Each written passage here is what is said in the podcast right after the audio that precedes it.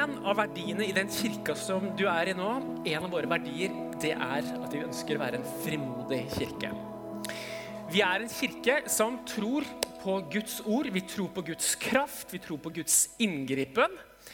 Eh, vi elsker vitnesbyrd, og vi hadde vitnesbyrd en fredagskveld her under den bønnehelga. og Vi elsker å høre hva Gud gjør midt iblant oss. Det er en del av vårt DNA.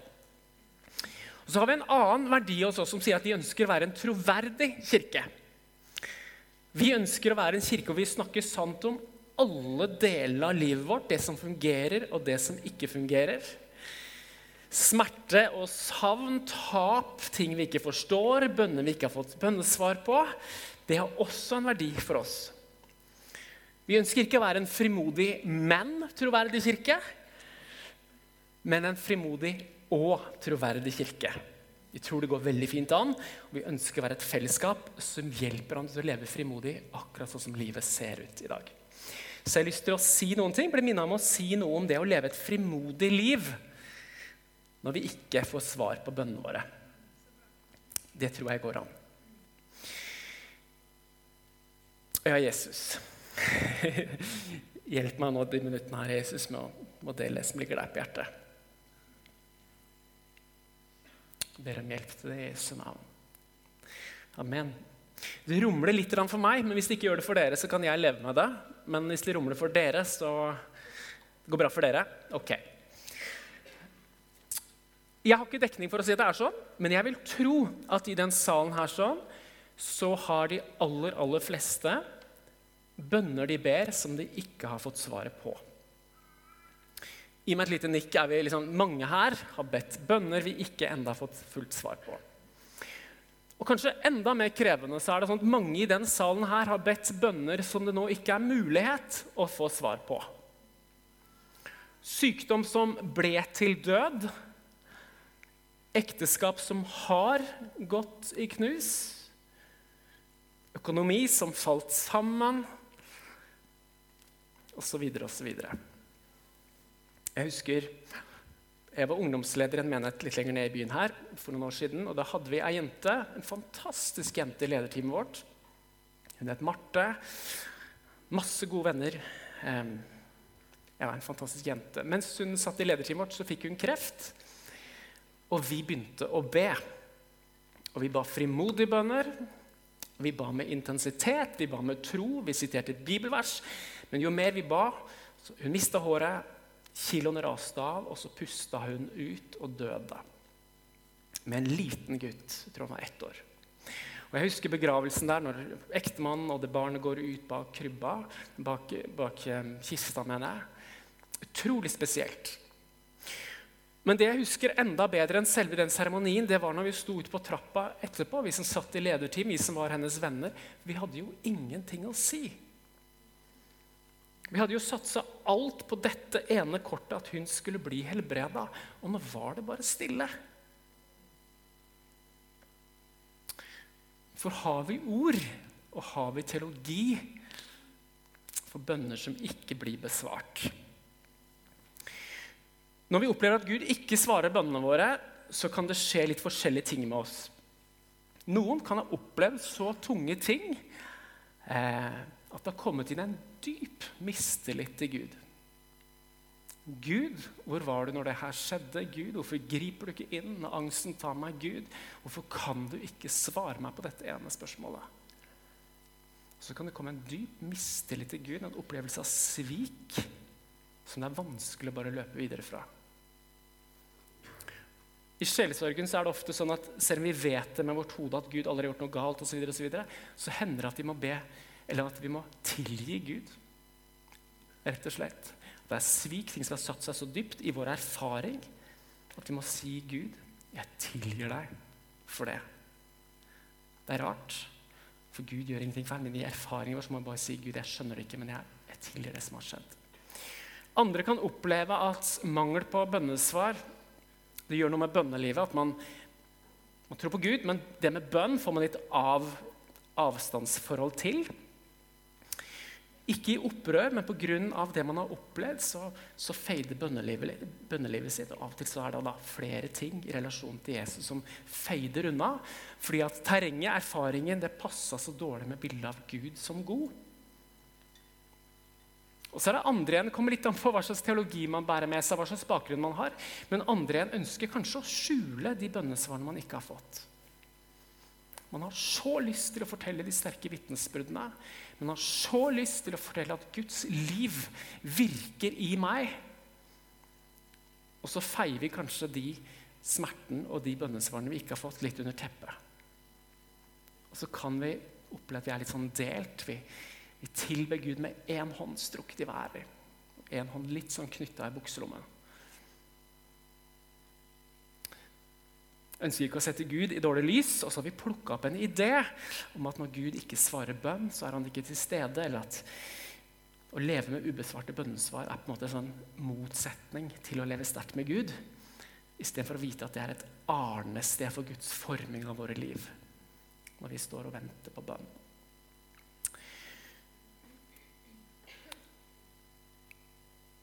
Jeg har lyst til å starte Unnskyld, fortsette med å si at Gud svarer bønn. Eh, det første bibelverset jeg lærte, var Matteus 27. Der står det Be, så skal dere få. Be, så skal dere få. Mange bibelvers. Jeg tok opp det. Vi kan ta opp Johannes 15 også. Hvis dere blir i meg, og mine ord blir i dere, be da om hva dere vil, og dere skal få det. Der var det noen conditions, men Bibelen er tydelig på at vi søker ham. Hvis vi ber til ham, så vil han svare bønn. Gud, Bibelens Gud vil svare bønn. Det er en grunnmur i troen vår, eh, og det er også en grunnmur i min personlige tro at Gud svarer bønn. Og Jeg kan stå her og vitne om at både i store og små ting så opplever jeg at Gud har svart meg så mye i bønn. Jeg tenkte tilbake, så opplevde det som barn. Jeg husker når, jeg, når vi starta et skolelag på skolen der jeg gikk, og vi møttes hver dag en halvtime før skolen starta. Vi ba for skolen, vi ba for skolelagsmøter, vi ba, vi ba hele tiden for medelevene våre. Jeg husker Hver uke, hver mandag så kunne vi krysse av bønnesvar på bønnesvar på bønnesvar. Og så bygde det troa. Jeg er også en av de som har vært på bibelskole i utlandet. og Av og til så virker det som Gud virker mye sterkere i utlandet. Men Kanskje er det sånn av og til. jeg vet ikke. Eh, men jeg var på bibelskole i Sør-Afrika, og, og, hver lørdag i, under bibelskolen så var vi ute på suppekjøkken i en, en, bydel, veldig veldig fattig bydel i Johannesburg. Og jeg må bare stå her og si det at vi ba for blinde som fikk syn igjen. Den akademiske biten av meg har prøvd å bortforklare det, rasjonalisere det, prøve ikke å sette ord på det, men hvis mitt sanseapparat snakker sant, så har jeg vært med og sett at blinde mennesker har fått syn igjen under bønn. Jeg har sett mennesker som har vært helt ødelagt fysisk, reise seg opp og bli friske i bønn. Når vi starta en kirke her, sånn, så har det egentlig vært utrolig mye bønnesvar. De fleste har vi fått før vi har kommet på at vi burde be. Um, jeg husker en, en samling i lederteamet vårt. Helt på starten så vi starta uten mikrofoner med at Anita, kona mi, og en som heter Benny, spilte djembe.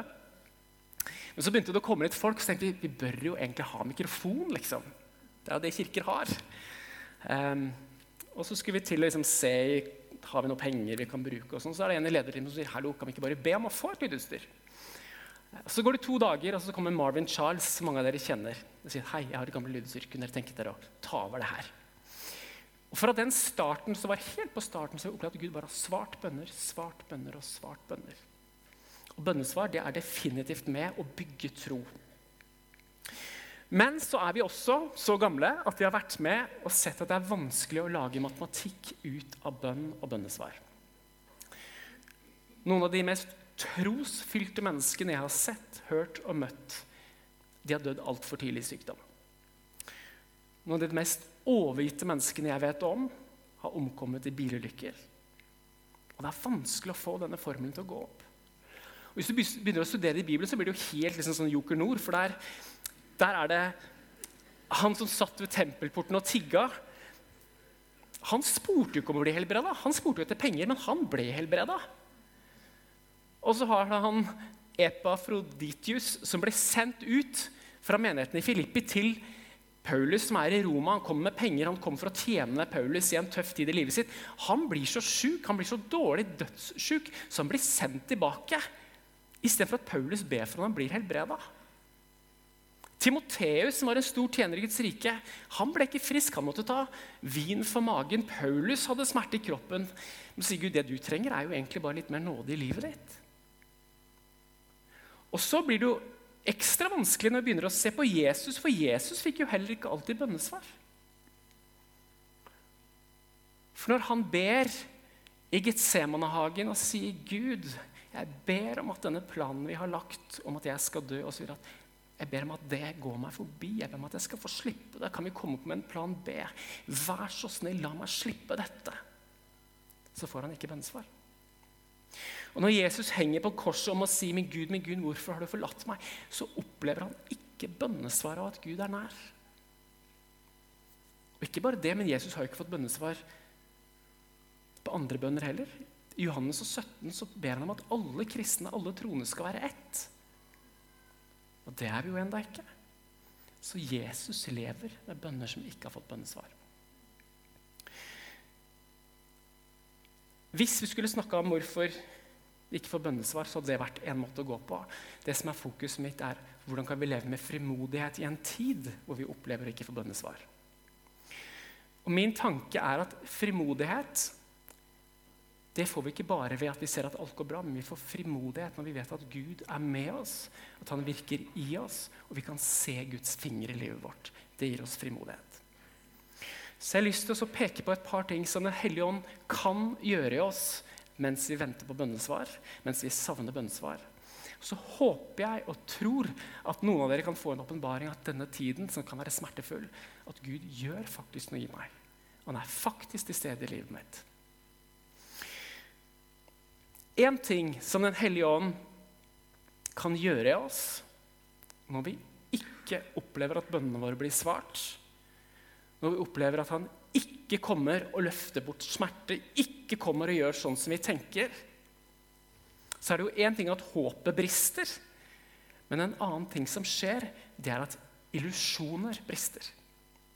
Og en av de illusjonene som faller sammen når vi ikke får bønnesvar og livet ikke blir sånn som vi hadde tenkt at det skulle bli, en av de illusjonene er at vi har kontroll på vårt eget liv.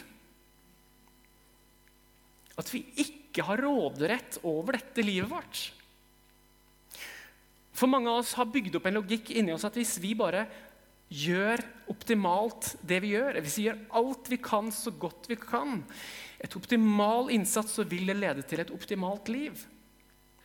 Og når vi på den måten har livet i, egen, i våre egne hender, så er det ikke tid for, å, for noe hvileskjær. Da må vi jo være på alle arenaer. Da bør vi jo vinne på alle fronter. Fordi at vi har fått dette livet som vi skal bære, eie og forme for at livet vårt skal bli best mulig. Og det vi tenker på, er en frihet til å skape vårt eget liv. Det kan bli å bli jaga rundt i en ufrihet. Jeg husker for noen år siden, det var før vi starta kirka her, sånn, så, så, hadde jeg en, en svulst på hjernen. Eh, jeg skjønte jo ikke at det var det før etter operasjonen, for legene sa liksom så vakkert at ah, du har en liten utvekst de må se nærmere på. Eller, ja. Men så, så, blir jeg operert, og så de rett og slett river av ansiktet og tar ut og setter på. Hvis dere har lurt på det, så er det panna mi er stort sånne metall- og titanskiver og, og skruer. Veldig, veldig ekkelt. Men eh, når jeg våkner opp, og, og, sånn, så sier legen til meg og da begynner det å gå opp for meg, sier jeg, du kan komme tilbake om to uker, så skal du få prøvesvar. Jeg bare prøvesvar? Er vi ikke ferdige nå, eller er ikke dette her bra? Og så, så går det opp for meg at, eh, at de må teste da, om dette er godarta eller ondarta. Og så husker jeg når vi kjører til eh, dette sykehuset her, jeg og Anita. Vi har på litt Delirious-musikk i bakgrunnen, husker jeg. Og så er det jo stille i bilen. Og så tenker jeg tilbake liksom, Jeg burde jo vært ganske full av frykt, egentlig. Jeg husker jeg står Men det jeg husker, er at jeg var veldig lite fullt av frykt. Veldig full av fred, egentlig. Så husker jeg når vi parkerer bilen, så vet jeg at nå er det ti minutter til jeg vet hvordan dette blir. Så fikk jeg en åpenbaring, tror jeg det er da. Av at nå ser jeg det som er sant hele tida. Av at mitt liv tatt ut av mine hender og plassert i Guds hender. Jeg kan gjøre ingenting. Det er noe som er sant hele tida, men av og til så ser du det, og så blir det virkelig. Og så fikk jeg god beskjed hos legen. Men det jeg sier, i sånne tider hvor du ikke får tvunget ting til å bli som du hadde tenkt det skulle bli, så kan du nærme deg et sted hvor du får oppleve den friheten det er i å vinne det livet som Jesus snakker om. Hvis vi taper vårt eget liv, det vi så gjerne vil skape, idet vi innser at vi, at vi gir fra oss det, kan vi omfavne det livet Jesus vil gi oss. Når vi ikke får tvunget til det vi ønsker oss, det vi niholder på, men må slippe det, så er det lettere å omfavne Jesus og si at du er min borg, du er min trygghet, du er min klippe. Så mange mennesker har begynt et nytt liv etter smertefulle opplevelser. Og mange kristne kan vitne om at når de ga livet sitt, når de opplevde sånne ting, så kunne de gi livet sitt på nytt til sitt etter at du har kontroll av livet mitt. Så folkens, Det kan se ut som smerte og krise, det kan oppleves som smerte og krise, det kan være smerte og krise, men samtidig så kan du kjenne på noe sånne drypp. at vet du hva? Midt i det her så driver jeg og ledes til en ny frihet i livet mitt. Jeg sier ikke at det er bra, det som skjer, jeg sier ikke at det er fint, men Gud kan bruke dette her. En annen ting som skjer, eller som kan skje når vi ikke får bønnesvar, når vi kjenner på smerte, det er at mens håp brister, illusjoner brister, så er det nye sannheter som kan komme fram. Og en av de sannhetene som gjerne kommer fram når man møter smerte eller sykdom eller død eller konkurs, eller disse tingene, skal man begynne å tenke at dette, dette livet er jo evig. Det fins en himmel. Ikke så ofte vi tenker på det, men i visse stunder så kan det her komme fram igjen. Det fins en framtid uten sykdom, gjenforening, ingen død, ingen smerte. Og Anita, kona mi, som, som leda lovsang her i dag, har sunget på fryktelig mange ting, men hun sier at en av de mest meningsfulle tingene hun gjør, det er å synge om Jesus i begravelser. Alle vi har vært i begravelser, har vi ikke det? I en begravelse så behøver du ikke å si så veldig mye. For hele grunnen til at vi møtes, er jo at vi ikke har fått bønnesvar hele grunnen til at vi er her, minner oss om evigheten eller ikke evighet. Eller og møter en vegg som minner om en del ting. Jeg elsker den historien om den misjonæren som dro fra USA til Afrika der forrige århundre. Som gjorde sin jobb. Han mista kona i sykdom. De tre sønnene hadde falt fra troen og dro tilbake. Men han står i tjeneste i 60 år på misjonsmarken. Når han er 80 år, der er i Kongo, 80 år så ønsker han å dø i hjemlandet sitt. Han setter seg en båt, og den båten stopper først i England før den skal til USA og New York. Og når han kommer på båten der i en av disse byene i England, så viser det at presidenten i Amerika er om bord på samme båt. Og så går dagene, Jeg vet ikke hvor lang tid man brukte på den tida, men når de kan se liksom New York i det fjerne Når det nærmer seg, så ser han at der er det jo korps og ballonger og fest og så mye mottakelse for denne, denne presidenten som har vært borte noen uker, kanskje. Og Så står han der, og så skrives det at han sto der og tenkte at vet du hva, her har jeg tjent deg i 60 år. Hvor er min fest? Og så hører han denne stemmen som sier, vet du hva, den festen kommer. Den festen kommer. På andre sida. Én ting som Gud gjør i oss når bønnesvaren ikke kommer, er at han, at han plasserer håpet vårt på et tryggere sted. Jeg vet ikke hvilken fest du tenker er naturlig med den innsatsen du legger ned. Kanskje drømmer du om at festen er en godt betalt jobb anerkjennelse i fagmiljøet du er en del av, en god helse, god familie. Ikke unaturlig å tenke dette. Dette fortjener jeg, dette bør være resultatet av alt jeg legger ned. Men Gud ønsker, og Gud kan bruke sånne situasjoner som dette her, og flytte håpet vårt fra disse belønningene som Gud kanskje vil gi oss, til noe som ligger evig og stødig, og som ikke vil rokkes. Vi kjente på litt skjelving under korona. Da var det sånn Plutselig begynte folk å bli sjuke. Og folk som tenkte at det var, helsa mi er rock solid, liksom. ingenting kan true min helse, de ble sjuke. Og så tenkte man ok, jeg kan kanskje bli sjuk, men jeg har iallfall økonomien min. Jeg har i hvert fall hus og bil og disse tingene ved plass. Og så begynte økonomien å skake. Og så tenker man ja, vi har iallfall familien, vi har iallfall det vi, oss kjære og nære. Nei, så kan jo folk dø. Ja, ja, Vi bor iallfall i et ekspertsamfunn. Liksom. Nasjonen. Noen vil redde oss, noen vil finne svarene på dette her. Nei, de hadde ikke helt peiling. Så kjenner vi at der vi kanskje plasserte vårt håpet vårt, det begynner å, begynner å røske litt. Og så kan Gud bruke sånne tider til å minne oss om hvor vi kan ha håpet vårt festa hen. Et håp som ikke vil skuffe. Og ofte er det i smertefulle situasjoner at det minnes om at det finnes et evig liv. Det finnes et evighetsperspektiv vi kan leve etter. Og så kan det bli en rikdom vi begynner å prioritere livet vårt annerledes. Hvor det viktigste får lov til å bli det viktigste, hvor det minste får lov til å bli det minste. Hvis vi vet at det er all inclusive på andre sida, så er det ting vi kanskje ikke trenger på denne sida. I sånne tider kan Gud fordype håpet vårt. En tredje ting som kan skje i sånne tider, hvor vi venter og venter og venter på bønnesvar, det er at Gud kommer med indre helbredelse. Denne her er sånn kontraintuitiv. Eh, men når vi snakker om, om manglende bønnesvar nå, så, så vet jeg ikke det, det, det, er en skala på det. Fra søren vi tapte fotballkampen, til ah, fikk ikke råd til den ferien, til jeg kom ikke inn på det studiet. Det forholdet funka ikke. Jeg er kronisk syk. Mora mi døde tidlig. Den skalaen er veldig stor. Og I noen av de situasjonene her så er det eneste naturlig der å rope 'hvorfor'. Hvorfor griper du ikke inn? Hvorfor svarer du ikke? Hvorfor, hvorfor, hvorfor? Er det helt naturlige menneskelige spørsmål å stille? Eller å rope?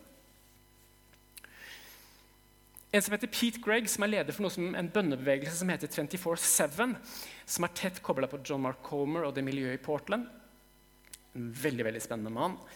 Han, hans kone har levd med smertefull sykdom i 21 år. Han leder altså titusener på titusener av bønnekrigere, bønnemennesker. Og de har sikkert bedt veldig mye for denne kona, men hun er fortsatt syk. Og så sier han til andre som venter på sitt bønnesvar, så sier han fortsett å be. Punkt én fortsett å be. Gud har lovet oss bønnesvar. Fortsett, vær utholdende i bønn. Det kan føles som å kaste en liten stein i havet, men hvis du kaster mange nok stein i havet, så kanskje det reiser seg opp og blir en vei i havet, sier han. Fortsett å be. Så sier han punkt to. Omgi deg med mennesker som kan bære smerten sammen med deg. Søk fellesskapet. Søk å få noen til å bære lidelsen sammen med deg. I kveld så er Vi er fire søsken. I kveld så er alle vi fire søsknene i denne salen på forskjellige steder. Jeg ser dere ikke når dere er her. Vi er veldig forskjellige på mange ting, eh, men spesielt på det her med å søke sympati og empati. For jeg fikk en melding fra den ene søsteren min her for ikke lenge siden. Var det sånn, Eh, det ser ut som det går bra. Om noen dager kommer jeg sikkert ut av sykehuset. Giftstopper i kroppen, og det var det ene med det andre voldsomme ting. Så får jeg bare en sånn lusen melding om at det her går sikkert bra. Jeg kommer meg sikkert ut av sykehuset etter hvert. Jeg Hvis jeg kjenner på noe rusk i halsen Hvis jeg bikker 37,5 i feber da vet denne Messenger-gruppa veldig godt at her er det ting på gang. Her må vi kjøre fokus. Det er noe som driver og skjer. Jeg driver og blir veldig, veldig sjuk. Og så er det noen snille i familien hvis, hvis man sier sånn, da kommer det jo gjærbakst og cola og ting på døra. Så jeg går veldig i pluss på min måte å gjøre det her på. Anbefaler det. Det er veldig mye omsorg du går glipp av når du lider alene. Det er helt bortkasta å lide alene. Lid med folk. Ok, Så fortsett å be. Omgi deg med folk som kan bære sammen med deg. Det siste han sier, eller tredje ting han sier, er at begynn å stille andre spørsmål enn hvorfor. Det syns jeg var interessant. Det han mener, er at under 'hvorfor griper du ikke inn', så ligger det mest sannsynlig noen andre spørsmål. Og kanskje noen spørsmål som gnager enda mer. For kan det være sånn at i vår dødsfrykt for å miste noe, så ligger det et spørsmål som sier Gud, er du god, og vil du forsørge meg? Kan det være at under det store 'hvorfor' så ligger spørsmålet Gud, fins du, og ser du meg? Bryr du deg om meg? Og så sier han hvis vi får noen øyeblikk lar det store spørsmålet ligge, og inviterer Gud inn i disse andre spørsmålene, så kan faktisk tider hvor du ikke får svar på det største spørsmålet, være tider hvor du får svar på de enda viktigere spørsmålene. Hvor Gud kommer inn til deg og sier, 'Vet du hva? Ja, jeg ser deg. Ja, jeg er hos deg.' Det kan være tider av indre helbredelse. Hvis du leser Davids salmer i Bibelen, så skal ikke jeg si at han ikke er kreativ, men de er litt like, noen av de. Og de starter gjerne omtrent sånn som det her. At Gud, hvorfor Eller hvorfor lar du fienden din fryde, deg, fryde seg over meg? Hvorfor, hvorfor, går det så bra med de ugudelige? Hvorfor, hvorfor får jeg ikke min rett? Hvorfor, hvorfor, hvorfor er det sånn her? Og så går det noen linjer, og mot slutten av salmene så ender det ofte sånn her men jeg vil alltid være hos deg. Du er min frelser, du er min klippe, du er min borg. Så kan vi høre det store hvorfor. Hvorfor går det meg ikke bedre? Hvorfor opplever jeg dette? Hvorfor går det så bra med alle de andre? Hvorfor blir ikke jeg sett? Der har han like store spørsmål, like stort volum. Men på de dype spørsmålene Gud, ser du meg? Ja, det vet han. Er du med meg? Er du for meg? Ja, det vet han. Derfor har mennesker i tusen år lest disse salmene fordi de kjenner igjen kampen. Kjenner en hvorfor. Men så er det også en legedom, for David vet han har fått svar på disse spørsmålene som ligger under. Disse tidene kan være tider for indre helbredelse. Vi ser det i historien i slutten av Lukas' evangeliet, hvor disse Emmaus-vandrerne, disse disiplene som hadde fulgt Jesus, som hadde blitt så skuffa over alt som ikke ble som det ble, som det skulle bli. Som går hjem fra Jerusalem, der de skulle være, går vestover hjem til Emmaus i solnedgangen. Krise på krise. De hadde sådd inn alt, de hadde trodd alt, og nå var alt bare falt sammen. Jesus var død. Og så er det denne fantastiske historien at Jesus kommer opp ved siden av dem. De kjenner han ikke igjen, men de begynner å snakke sammen. Ta, ta, ta, og så later Jesus som han vil gå videre, men de inviterer han hjem. Og så deler de nattverd, og så ser de det er jo Jesus. Lukas 24. Så skjer det noe forunderlig, fordi at omstendighetene har ikke forandra seg.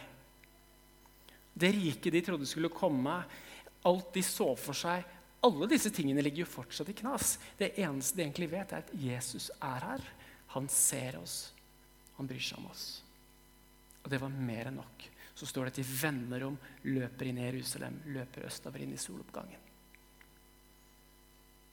Kanskje hvis du kjenner på å rope bare 'Hvorfor Gud? Hvorfor Gud?' Kjenn etter. Kan det være noen spørsmål som ligger enda dypere? Jeg har lyst til å nevne én ting til. Han kan gi oss større frihet. Han kan, for, han kan sette håpet vårt på et tryggere sted. Vi kan oppleve indre helbredelse. Men vi kan også, eller og, vi kan oppleve også i sånne stunder at Gud føder fram, former helbredende tjenester. Og det jeg skal si nå, er en stor klisjé. For jeg tror ingen av oss helt griper det, og derfor så blir det fort bare ord, men jeg skal si det likevel. Det var ved Jesus sår at vi fikk legedom. Og det var ved Jesu død at vi fikk liv. Når vi leser Nytestamentet, så kan vi lese at Jesus spratt fra by til by. ikke sant? Lamme begynte å gå, blinde så. De som hadde hud, altså de som var spedalske, som hadde bare utslett og sår, utslett og sår, og som ble jaga ut av byene, de fikk strøken hud. Kvinnen som hadde hatt syv menn, og som hadde masse arr i sjelen sin, helt sikkert ble gjort hel. Se bare Jesus gjør ting etter ting etter ting. etter ting. Men den største seieren det som fikk hele verdenshistorien til å stå og skjelve, det var den kvelden hvor Jesus ga fra seg alle sine privilegier. Det var den kvelden Jesus ikke fikk bønnesvar. Det var den kvelden han svetta blod, var i smerte, aldri så mindre ut. Den dagen, eller den natta, så ble verden helbreda en gang for alle. Den dagen snudde alle ting når Jesus var på sitt svakeste. Vi skal feire nattverd etterpå. Om noen minutter så kommer jeg til å lese en tekst som går sånn som det her. Cirka.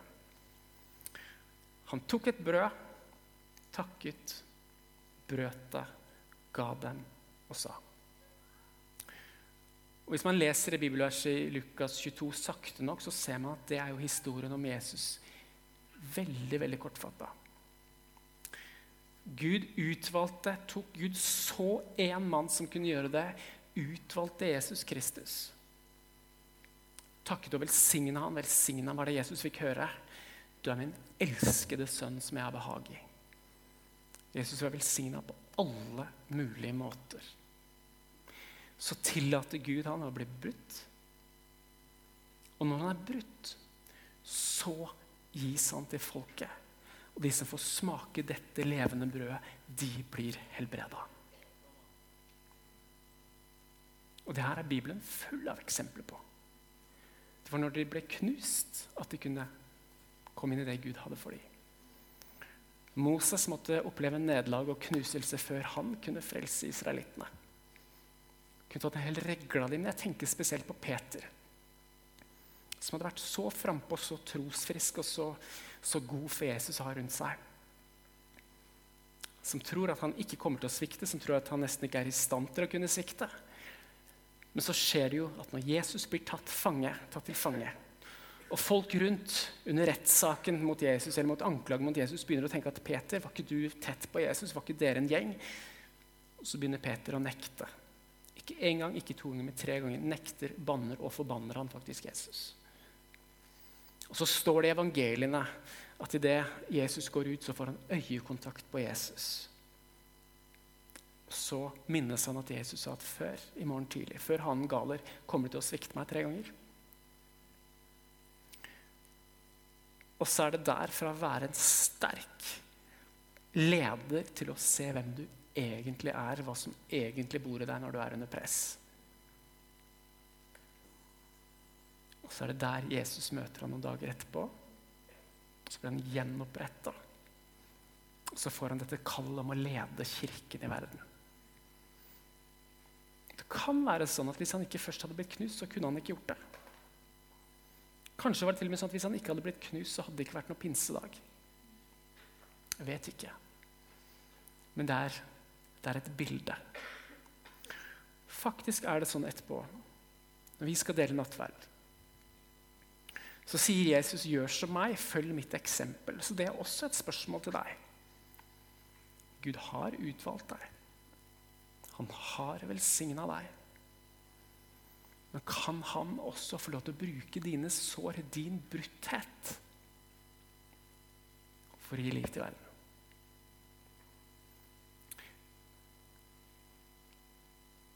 Jeg tror ikke det matcher 100% men jeg tror at de menneskene som jeg har fått lov til å bety mest for, det er mennesker som matcher mine sår. Jeg tror det er sånn, vi har en samtaletjeneste her, at de som har vært igjennom tøffe runder i forhold, f.eks., er de som er best egnet til å snakke med andre som kjemper med forholdet sitt. Når jeg på starten av mine 20 år slet med angst, så var det kjempefint å snakke med folk generelt. Men det var de som hadde opplevd og som kunne bringe håp inn i det. Som ble meningsfullt. Skikkelig helbredende å snakke med. Når vi fikk Nathanael, som dere ser på første rad ofte her, som er med Downs syndrom, som ble født med stor hjertefeil, og vi lurte på går livet vårt videre, hva skjer i samfunnet nå? Klart det er fint å snakke med hvem som helst om det. Men de som kanskje hadde opplevd akkurat det samme, som kunne si vet du hva, det kommer til å gå så bra. Det kommer til å bli en fest. Gud går med dere. Det her kommer til å gå så bra. Det var enda mer verdt. Kanskje er det noe av det du står i, noe av det du kjenner på. Noe av det som ikke skjer, som akkurat nå driver og former deg til å bli et helbredende verktøy i Guds hånd. Det fins ikke den situasjonen som Gud ikke kan snu til det beste. Jeg skulle egentlig tale om noe annet i dag. Og så opplevde jeg det her skulle si. og Ofte når en forkynner sier sånn, så sier man det for at enten man har, at man har forberedt seg litt dårlig, eller for å fremstå spennende. eller sånn. Men jeg tror at Jeg tror at det er noen som har, som har, begynt å oppleve at livet har blitt litt delt. Jeg er frimodig for Jesus, jeg vil leve for han, tatala. men det er en del ting i livet mitt som jeg ikke snakker så høyt om. Du vet det kanskje ikke selv engang. Det begynner å dele seg noe inni deg. Jeg tror Gud ønsker bare å si at vet du hva, du skal få lov til å leve frimodig, fullt av trøkk, fullt med glede. Og vet du hva, den salen her, for Jeg kjenner mange av dere, så vet jeg at noen i denne salen her står i sine sterkeste tider. Det er mennesker her som får lov vitne på studiestedene sine, se mennesker komme til tro. komme til tro. Vi har hørt vitnesbyrd om helbredelser. Vi vet at mennesker har blitt satt fri. Jeg gleder meg til dåpskvelden med vitnesbyrdene som kommer da. Og vi sier tusen takk, men vi vil ha mye mer. Og så vet jeg at det er frimodige mennesker i denne salen her som ikke opplever bønnesvar, som er i tøffe tider, som opplever mørke. Men når vi ser dette, Gud Kanskje er det du gjør, at du driver og reiser meg opp. Gud, kanskje det du gjør, er at du egentlig helbreder meg på dypet. Gud, jeg kjenner på smerte. Det er vondt, men jeg kjenner også en sånn starten på en frimodighet som sier at vet du hva, du driver og gir meg større frihet i livet mitt. Skal vi få lov til å stå samla frimodig for Jesus? Det var et spørsmål. Skal vi kjenne vi står samla i frimodighet for Jesus? Mm. Jesus. Jeg har lyst til å be en bønn for de som akkurat nå Jesus kjenner på smerte for bønner som ikke har blitt besvart. Det som virker som rop som ikke er hørt, det som virker som at du er passiv, Gud. Jeg syns du har svar på alle disse spørsmålene, men nå ber jeg Hellige Ånd om at du viser hver enkelt hva du gjør, og ikke bare hva det du ikke gjør. Jeg ber at skal, alle sammen her skal få gjenkjenne din hånd og din finger i sine liv. Og Jesus, om ting ikke blir sånn som vi så det for oss, om vi ikke blir helt de vi så for oss, så kan vi være frimodige når vi at du er for oss, og du er med oss. Du har ikke gitt oss opp, men du former oss dag for dag. Jeg takker deg for det. I Jesu navn. Amen. Du har hørt en podkast fra Imekirken Kollektivet. Følg oss gjerne i sosiale medier for inspirasjon i hverdagen.